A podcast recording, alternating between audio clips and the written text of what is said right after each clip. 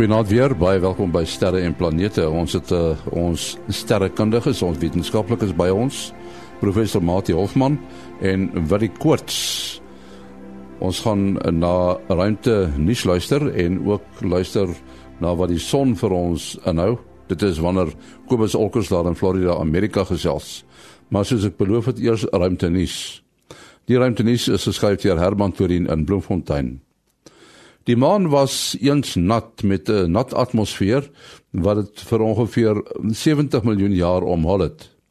Die water was afkomstig uit die gas wat vloeiende lava vinniger aan die atmosfeer vrygestel het as wat dit na die ruimte kon ontsnap. Een so 'n bron sou kon wees toe 'n dwergplaneet met 'n deursnee van 300 km 3,5 miljard jaar gelede met die maan gebots het en die Imbrium bekken gevorm het.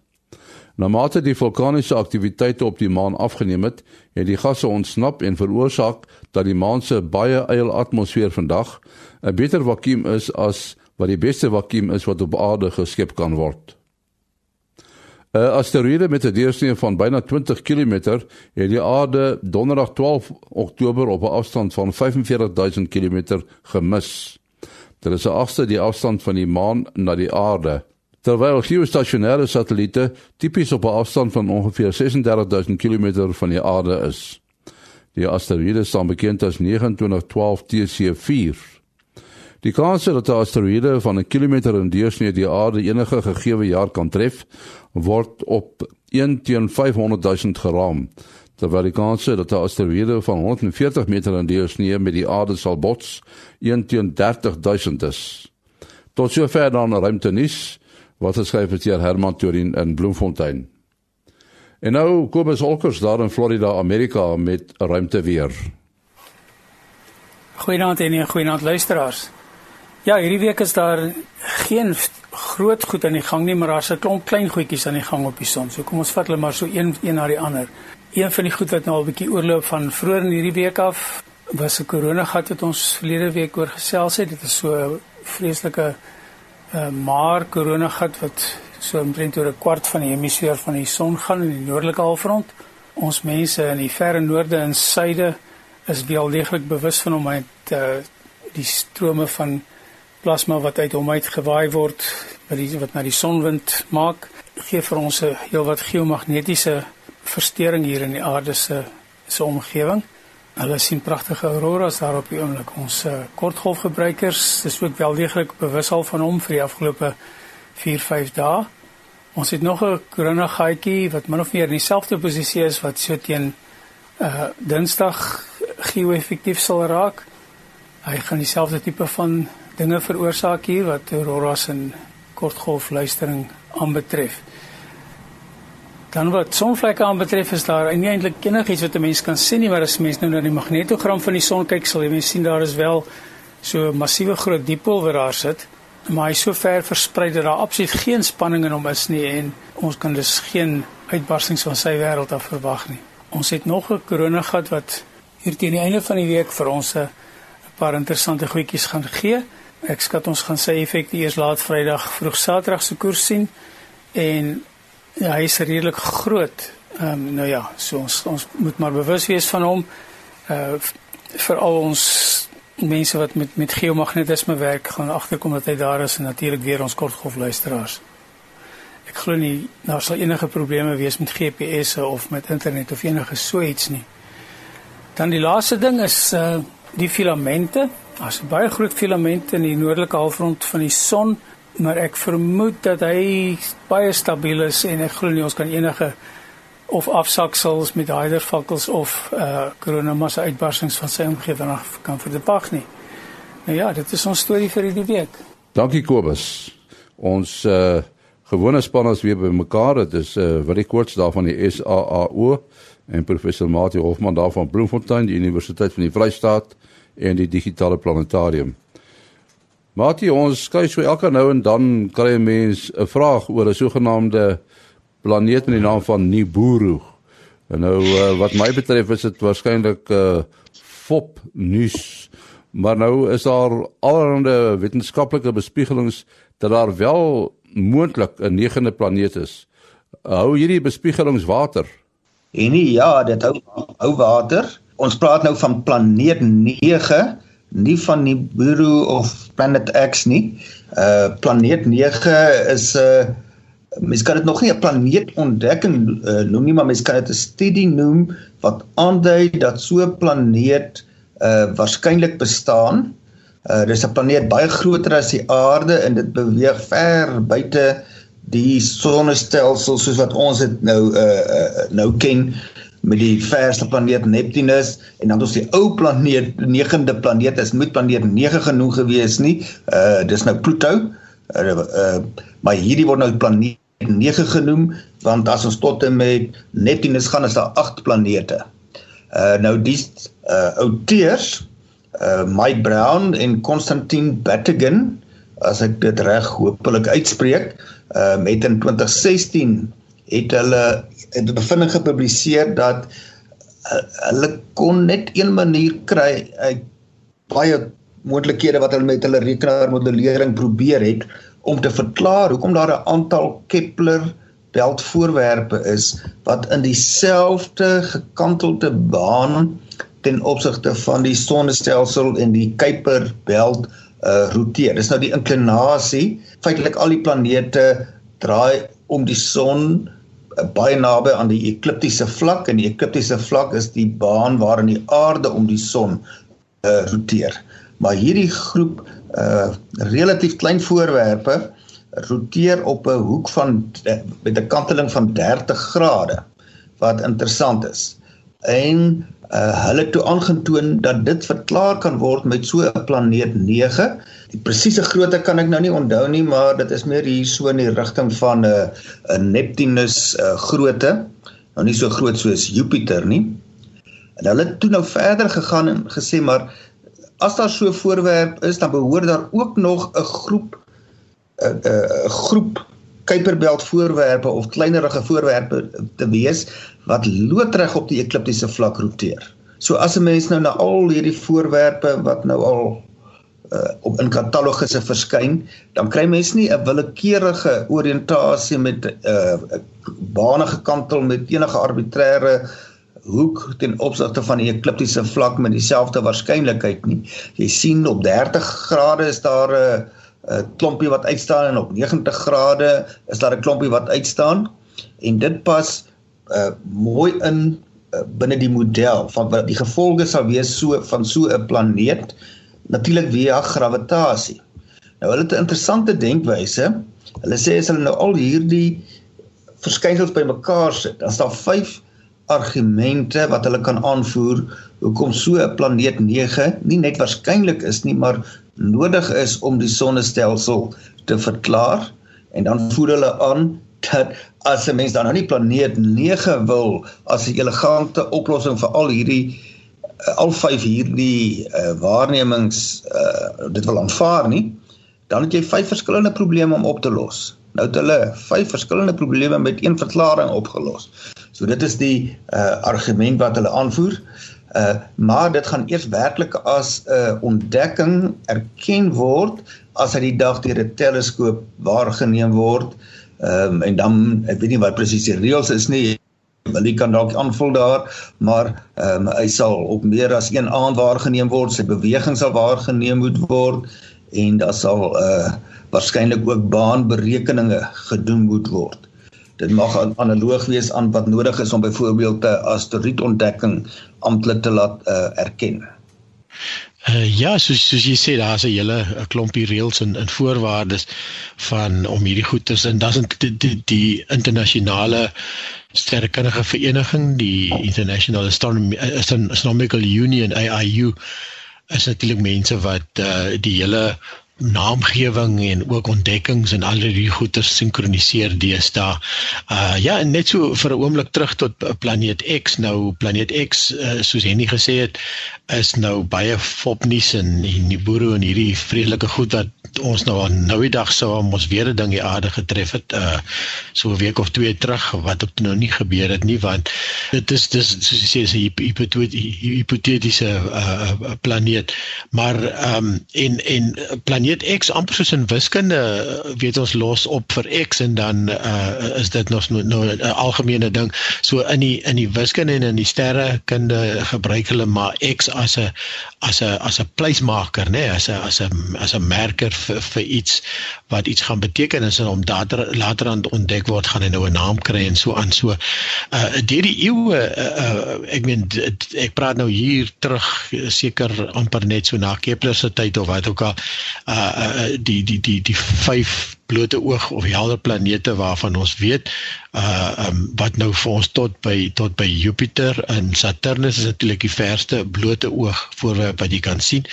En toe die mense nou begin uh, uh die goed se bane mooi bepaal het hulle agtergekom maar uh Saturnus se baan het so effens 'n afwyking. So dit wil sê daar moet nog 'n planeet daar buite wees en en uh, uh ek kan nou nie onthou of of Uranus nou vir 'n ruk op planeet X was nie. Ek weet Neptunus was vir 'n ruk planeet X gewees want toe hulle nou Uranus ontdek het, hulle gesien maar Neptunus se baan is nie presies so volgens die wiskunde so daar moet iets daar buite wees wat hom wat hom aantrek. En en toe Pluto ook, nou natuurlik Pluto was die laaste amptelike planeet X gewees voor voor hierdie hierdie ontdekking of hierdie weer eens 'n plekmerker vir vir hierdie vir hierdie moontlike hipotetiese planeet wat nou heel heel aan die ander kant van Neptunus in die in die buite in die buitewyke van die van die sonnestelsel lê. Ja, so planeet X is is uh in die in die wetenskap was maar gewoonlik 'n 'n 'n pleismaker vir vir iets wat nog moet ontdek word. Maar natuurlik dit word nou vreeslik uitgebuit deur die uh deur al hierdie samesweer uh teorieë en goed en goed wat die aarde moontlik gaan tref wat uh ons nog self nie ontdek het nie. Wat ons dalk net moet byvoeg oor planeet 9 is dat hy in hierdie model 'n baie elliptiese baan het. So op sy naaste eh, kom hy baie nader aan die son, nog steeds ver buite die sonnestelsel soos wat ons hom ken of laat ek ons eerder sê die planete eh, soos wat ons dit ken, maar op sy verste is dit meer as 1000 astronomiese eenhede uh, of 1000 maal verder as wat die aarde vanaf die son is. So kom ons vergelyk dit met ehm um, Saturnus wat 20 astronomiese eenhede is en dan uh, Neptunus en Uranus dit gaan hier so na 40 astronomiese eenhede. So ons praat van 'n faktor 20 maal verder. So dit is iets bietjie ongewoons wat nou interessant gaan wees as hulle nou verdere vordering maak met die studie oor eksoplanete of hulle soortgelyke planete sal kan vind. Hulle het wel soortgelyke planete in terme van grootte al gevind, maar op sulke relatief groot afstande vanaf hulle sterre.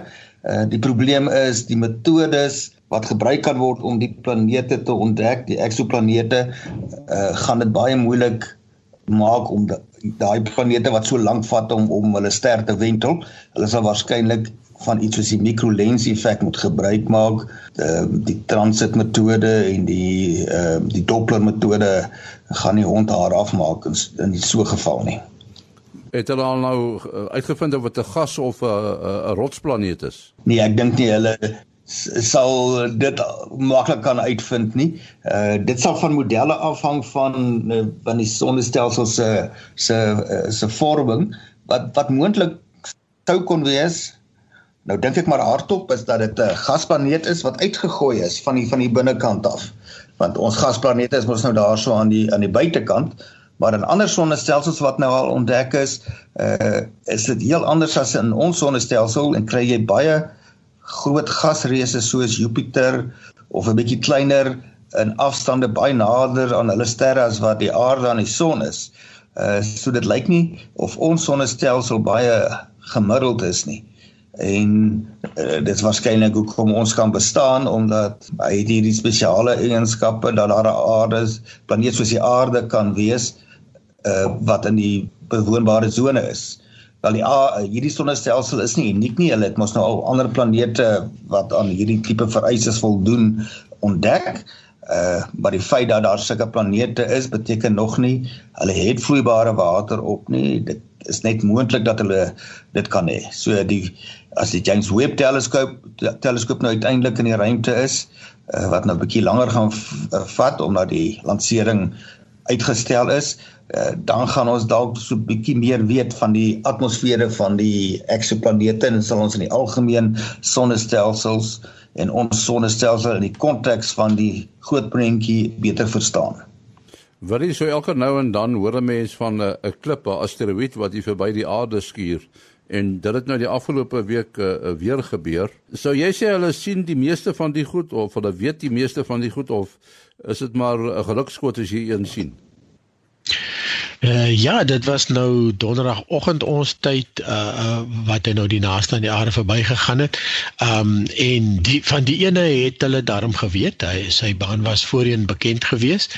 Dink sy periode is hier, nou kan ek nie presies onthou nie, uh paar tiene van jare en um en nou weer 'n slag verbygekom. Die aanvanklike van die baanpaar bepaling wat hulle voorheen gedoen het, het uh, sou hy so min as omtrent 7000 km verby die aarde beweeg het hierdie slag. So dit sou bitterlik naby gewees het. Dit het eintlik nou al 'n rukkie lank dopgehou. Uh, teleskope van Sutherland af het hom ook dopgehou. Ons het daar 'n Russiese teleskoop wat juis vir sulke goeie soek goed wat die aarde kan tref. Ehm um, so daar is daarom oë uit daar buite. Ehm um, die uh, die infrarooi teleskoop het ook na hom gesoek en in die infrarooi kan jy natuurlik ander goeters waarneem veral hoe hy roteer en so aan en ek neem aan hulle sou radar en so observasies gedoen het. Ja, die ding is omtrent so klink my in die omgewing van 'n geskatte 30 meter uh groot en uh baie dieselfde as die ding wat so 'n paar jaar terug daar op Rusland geval het. So uh, die een op Rusland het ons natuurlik glad nie gesien nie. Hierdie ene het ons nou van van geweet voor die tyd. So uh, ja, die kanse is nog dat die laat hulle ons verras daar is daar 'n heel wat van hierdie surveys deesdae wat wat die wêreld vol kyk. Gelukkig is die aarde darm 'n bewegende teiken, so uh, en die aarde is eintlik 'n bitter klein kolletjie in die in die ruimte, maar uh, die kanse dat uh, dat so iets die aarde kan tref is altyd daar en uh, die kans dat ons dit voor die tyd nie weet nie is is ook nie onmoontlik nie. So uh, ja, dit was 'n uh, bietjie 'n bietjie um, opwinding geweest en ehm um, natuurlik wat nou sou gebeur het is onthou jy nog net een keer voorheen op die aarde wat beteken of by die aarde verby wat beteken uh omdat die dingetjie so klein is kan jy hom net vir 'n baie kort tydjie dophou 30 meter 'n klip hulle skat hy nou so by 50000 km by die aarde verby getrek hierdie slag. Ek meen dit is nie 'n glad nie 'n blote oog ding nie. Ek dink hulle praat van 'n omgewing van magnitude 12. So jy kan dit dan met 'n klein teleskoopie sien, maar dit is net wanneer hy op sy naaste verby trek, so voor die tyd uh, raak hy baie vinnig dof. So hoe, hoe groter deel van sy baan jy hom in kan dophou, uh, natuurlik hoe beter kan jy die baan bepaal maar jy moet nou jy het nou net 'n klein uh wat noem maar arc in Engels. Jy het 'n klein 'n uh, klein uh, gedeelte van 'n sirkeltjie uh, of dan natuurlik nou 'n ellips in hierdie geval uh, wat jy wat jy het om die hele baan op uit te werk. So 'n uh, uh, na so 'n verbyvlug sal natuurlik die baan se inligting baie beter uh, kan hê. Selfs al het jy dit uh, uh, kan so iets verby iets anders vlieg op pad om die son en weer weer terug en wat sy baan bietjie verander. Ek hoor nou al mense vra hoe, hoe kan dit gebeur dat uh, iets so relatief groot soos die internasionale ruimtestasie nooit deur 'n klip getref word. En, en eintlik word hierdie goed nogal getref, né? Die die uh, uh ek onthou ek het destyds foto's gesien van uh, byvoorbeeld soos die vooruit van die uh pendeltuie en en uh en dan sien jy daar daar sit sit klein noodmakradertjies daar soos wat hulle getref is deur mikrometeoriete.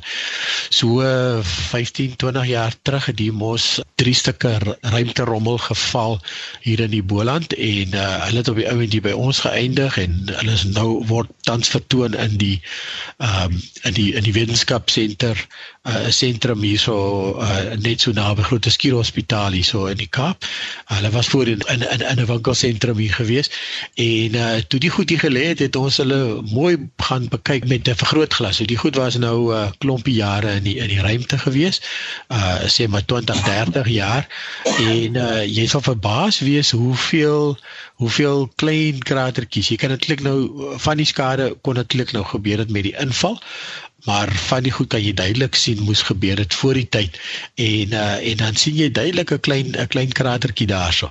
So uh, uh die die daar is wel goedjies wat wat wat in die ruimte wat in die ruimte ronddryf en uh en natuurlik die goeie strek. Uh die vraag is natuurlik nou net uh, die gevaar vir die vir die ruimtestasie gaan nou wees as dit groot genoeg is dat dit dat dit kan deurdring uh, deur die uh, deur die deur die romp van die uh, ruimtestasie en uh, dan het jy natuurlik moeilikheid. So dit natuurlik nou op noodplanne in plek as so iets sou gebeur. Daar's altyd 'n Soyuz ten minste een Soyuz wat of twee Soyuze afhangende van hoeveel personeel op die op die ruimtestasie is en 'n Soyuz kan 3 mense vat. Ja, so as daar 6 mense op die ruimtestasie is wat die normale uh, getal is dan uh, dan sal hulle altyd twee Soyuze gereed hê wat ter enige tyd kan gebruik word as 'n reddingsboei. Dat hulle kan inspring in hom, uh hulle afseël en uh en en dan en dan wegbeweeg van die ruimtestasie of ten minste net dat jy jouself kan afseël sodat jy 'n omgewing kan kry waar jy kan asem waar jy kan asemhaal en dan daarvan af 'n plan uitwerk. So ehm um, ja, daar's altyd 'n moontlikheid daarvan ook. Hulle uh, monitor natuurlik ook die baan waarin die ruimtestasie is uh en as dit nodig is en hulle sien daar's 'n want hulle het mos nou al uh duisende van hierdie ruimteafvalstukke wat groot genoeg is. Ek is nie seker wat die onderste limiet is nie, maar ek vermoed dit kan so 'n omgewing van so groot soos 'n tennisbal wees. So hulle weet wanneer daai bane gevaar te gevaarlik naby aan die ruimtestasie kom en dan kan hulle hom dan uh, nou so bietjie uit die pad uit beweeg, bietjie verder van die uh, mees waarskynlike baan van die uh, ruimteafval. Ja, as jy na na ons uh, gewilde uh, webwerf toe gaan www.heavensabove.com of heavens above met 'n koppelteken tussen dan is daar nogal 'n 'n plekjie waar jy kan klik dan sê dit vir jou the height of ISS. Uh, dit is so die eerste gedeelte van dit en dan kan jy duidelik sien hoe die ruimtestasie uh dit lyk soos 'n sagtand en uh, is omdat die ruimtestasie groot is en nie so hoog by die atmosfeer heeltemal weg is nie is daar tog 'n bietjie 'n sleur effek. En uh, so die die die af die afbeweging is regtig soos wat hy hoogte verloor. En dan so elke nou en dan dan word hy geboost soos hulle sê dan word hy dan motore aangeskakel en dan word hy bietjie opgejaag. En uh, partymal dan sien jy partymal werk hierdie sagtand verkeerde kant toe. En dit is natuurlik wanneer hulle weer sou hulle probeer natuurlik nie onnodig hoogte verloor nie, maar partymal moet hulle selfs 'n beweging maak om om uh, om, om onder ruimte rommel deur te kom. So dit dit is so baie sê word wel gemonitor, ja. Maat iets heel anders. Die die spoed van 'n uh, planeet om die son. Wat bepaal daardie spoed? Dit kom nou uit Kepler se wette uit. Ehm um, as jy nou dink aan Kepler se derde wet, het jy die kwadraat van die periode met almal die totale tyd wat 'n planeet vat om om die sy ster te wentel, so dit geld nie net vir ons sonnestelsel nie, is ewerene uh, ewerede direk eweredig aan die derde mag van die uh van die semi-hoofas wat basies die helfte van die lang as is uh van die die langste as van die ellips. Die belangrikste faktor is dus die periode hang af van die afstand op 'n manier wat jy dan nou op die, op 'n grafiek as 'n reguit lyn gaan teken mits jy dan nou met 'n kwadraat en 'n derde mag werk. Maar in die algemeen kan jy dit so stel as jy jou uh jou voorwerp of jou ruimtetuig naby aan die planeet wentel, dan moet hy baie vinnig beweeg. Jy kan amper so beskou of jy kan dit so beskou uh hy word aangetrek na die planeet soos hy stil sou gestaan het as hy geen baansnelheid gehad het nie sou hy reguit na die planeet toe uh wou val maar die feit dat hy dan nou loodreg daarop 'n baanspoed het as jy dit nou net die regte spoed het vir daai afstand vir uh wat die afstand gaan bepaal hoe sterk die krag is dan kan jy terwyl hy dan nou na die planeet beweeg beweeg hy ook weg en dan kan jy die afstand konstant hou as jy dit nou in 'n sirkelvormige baan wil hou so dit is asof hy almekaar die planeet uh, misval. So dis hoekom jy dan 'n hoër spoed nodig het as jy nader is want die krag is nader. Gravitasiekrag neem toe met kleiner afstand uh, volgens 'n kwadraatwet so as jy twee keer nader kom uh, dan gaan die krag 4 keer groter word. Uh, en as jy 3 keer nader kom, gaan die krag 9 keer groter word. Uh so dien ooreenkomstig moet jy dan 'n uh, vinniger spoed hê om aan mekaar die aarde uh mis te val.